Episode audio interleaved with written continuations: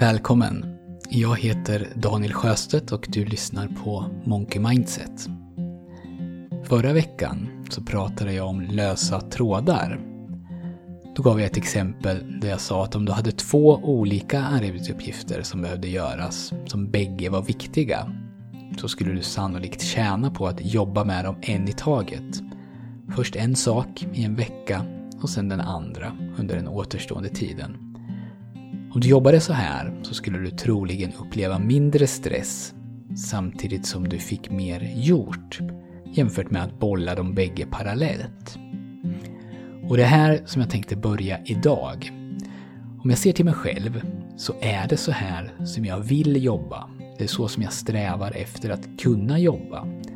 Men det är ju svårt förstås, till och med för mig, som har en ganska stor kontroll över vad jag gör och när det behöver göras. För som småföretagare så sätter man ju till stor del sina egna deadlines. Så jag kan bara ana hur det är att befinna sig i en större och mer komplex organisation och vid en första anblick så känns det säkert som någonting helt orealistiskt. Att kunna fokusera på en enda sak, helst det som man är bäst på, under en längre sammanhängande period och inte bli störd. Ändå så tror jag att du, oavsett om du är anställd eller chef, håller med om att ett sådant arbetssätt troligen skapar mer värde än vad det gör om medarbetaren har tio saker på sitt bord och en massa möten att gå på och samtidigt förväntas sköta sin administration. Det är väl åtminstone inte orimligt att tro att det kan vara så. Så därför tänkte jag idag be dig hänga med i ett tankeexperiment. Och för enkelhetens skull så låtsas vi att vi även nu bara har två arbetsuppgifter. De kräver lika mycket tid och de är lika viktiga. Och dessutom så har du administration att göra. Arbetsuppgift A tar 40% av din tid och arbetsuppgift 2 tar 40% av din tid. Och administrationen tar då 20% av din tid.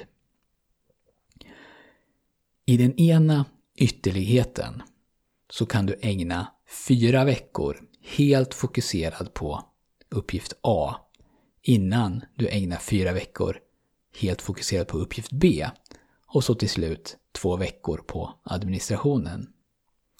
På andra sidan skalan, i den andra ytterligheten, så kan du bara ägna fyra minuter åt uppgift A innan du administrerar en minut Sen jobbar du fyra minuter med uppgift B och så administrerar du en minut och så vidare.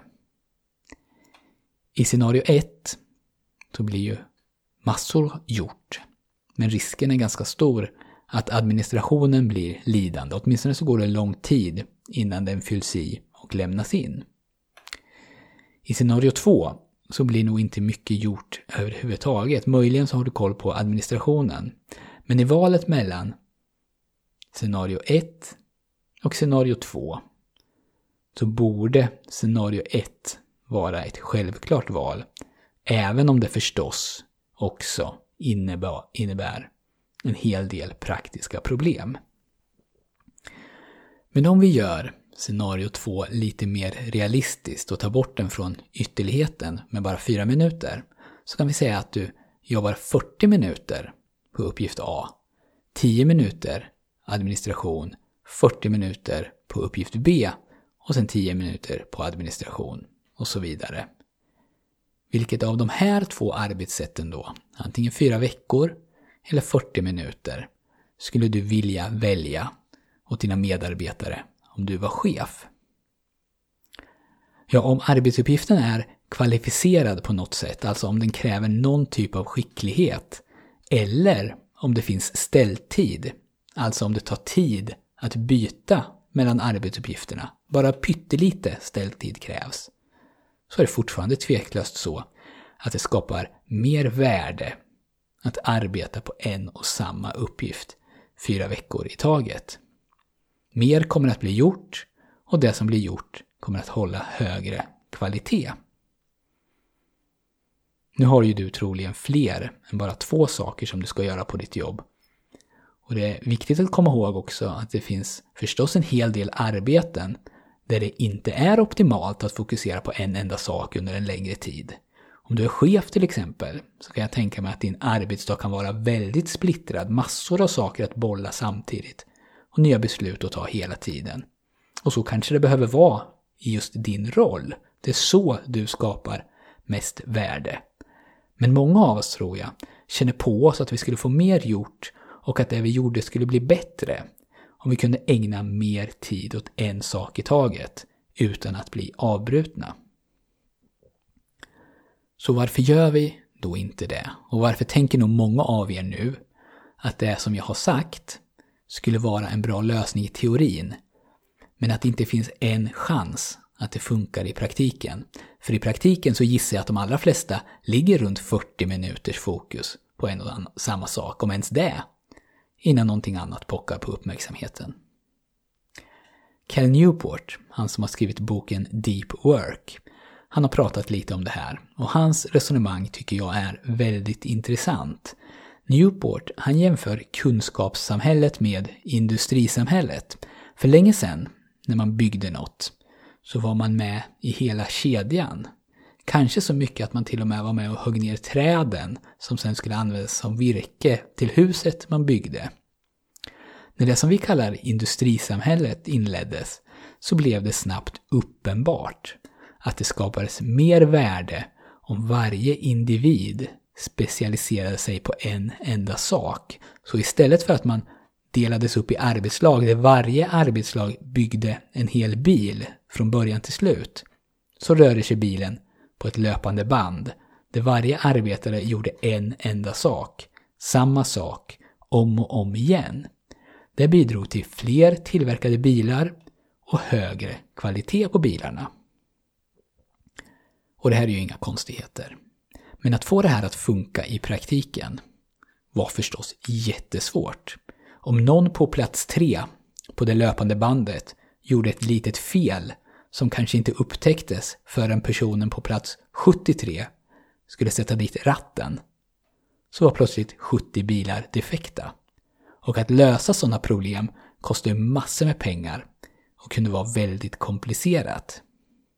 Med det gamla sättet att arbeta så skulle ju en enda bil behöv, behöva göras om och den som gjort felet fick reda på det direkt eftersom det kanske till och med var han som försökte sätta på ratten. Och man kunde i arbetslaget resonera sig fram till en lösning. Så att arbeta i arbetslag så här innebar mycket mindre strul. Det var smidigt. Och att driva sin fabrik enligt löpande bandprincipen, det krävde planering och framförhållning. Det gick inte bara att komma och säga att nu gör vi så här, eller jag har fått en, en idé om det här, eller släpp det ni gör nu, för vi behöver göra någonting helt annat. Tog man bort eller ändrade en enda del av kedjan, så påverkades hela kedjan.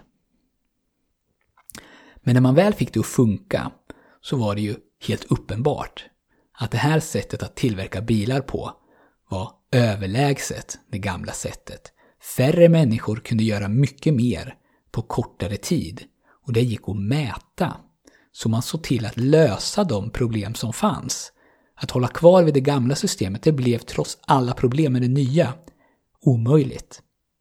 För nu fick man lägre kostnader för den som tillverkade samtidigt som kvaliteten blev högre. Och det innebar ju också att varan blev billigare att köpa och att det materiella välståndet ökade. Cal Newport, han argumenterar för att vi nu är inne i den omogna delen av kunskapssamhället.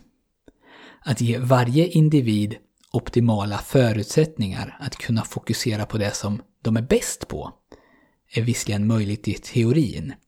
Och det är nog troligt att det kommer att innebära mer värde. Men det kan samtidigt vara väldigt jobbigt. Det skapar ju en massa svårigheter. För det är inte så vi jobbar i vanliga fall. Jag behöver ju ibland få tag på den här personen, då kan hon inte göra sig oanträffbar. Bara för att hon behöver tänka hårt på en enda sak. Och vi är ju vana att få svar på våra mejl. Vi har inarbetade program och system som gör att verksamheten funkar även om vi inte har lika bra framförhållning som vi kanske skulle vilja ha. Så att vända allt det här på ända, Det känns helt enkelt inte möjligt att göra. Och om antal tillverkade bilar och kostnad per bil var väldigt lätt att mäta, så är ju kunskapsarbete svårare. Hur mäter vi värdet av en idé som aldrig uppkom? Eftersom de som jobbade med uppgiften inte fick gå på djupet utan hela tiden rörde sig på ytan, släckte bränder och löste problemen på det sätt som var mest uppenbart. Nu tror jag inte att Cal Newport förespråkar att kunskapsarbete ska bli mer likt löpande bandtillverkning. Men tankarna han har tycker jag känns relevanta och han förutspår att när kunskapssamhället utsätts för mer mätbar konkurrens så kommer det då självklart också röra sig åt det håll där mest värde skapas. Så kanske kan du ta dig en funderare på var du eller ni befinner er på den här skalan. Där ena ytterligheten alltså är fullt fokus på en enda sak under väldigt långa perioder. Och den andra ytterligheten är att du knappt får någon tid att göra en sak i taget. Och också fundera på vad det gör med din produktivitet och ditt välbefinnande.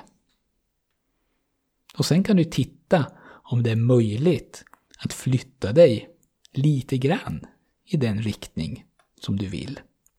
Jag tycker att Cal Newport har bra tankar här också. Han föreslår att man diskuterar i gruppen, eller pratar med sin chef, att man förklarar det här konceptet och frågar vad som är rimligt. Hur mycket av min vecka, eller vår vecka, är det rimligt att jag kan få jobba helt ostört och fokusera på en enda sak?